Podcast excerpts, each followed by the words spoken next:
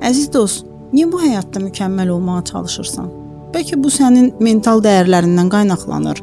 Əslində bilirsənmi, bir insan olaraq hər kəsi təmin etməyə çalışdıqca özün özündən ödün vermiş olursan.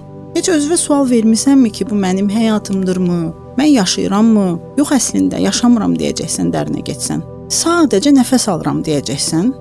Niyə həyatdan zövq almaqdan qorxursan ki? Axı niyə sevdiyin işi deyil, qohum və doğmalarının gözündə mükəmməl olmaq üçün çaba göstərərək sevmədiyin, hətta bəzən e, nifrət etdiyin işi görürsən. Bəzən sevmədiyin biri ilə ailədə qurursan, bəzən belə deyim, sonunu bilə-bilə və uğuru olmayan bir işə imza atırsan. Sevmədiyin yeməyi yemək kimidir bu. Sevmədiyin işi görmək duyğusu. Yaxşı, nədir səbəb? Hardandır bu iradəsizlik, bu özgüvənsizlik, bu birdən qınayanlar, mükəmməl görünmərəm duyğusu? Niyə axı həyatın boyunca el aləm nə deyər deyə hər kəsi məmnun edərək mükəmməl görünmək qorxusu? Əslində bilirsən bu nədir? Bu itirmək qorxusudur.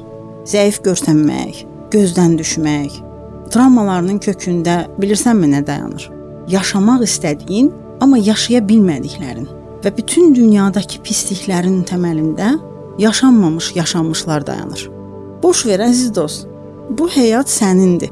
Həyata bir dəfə gəlirsən və sən özünü öz həyatının memarısan.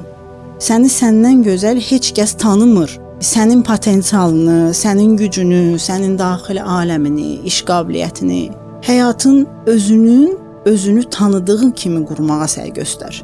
Seçimlərini, qərarlarını, bir də gözdən keçir. Həyat fəlsəfəni bəlirlə. Özünə sual ver: mən kiməm?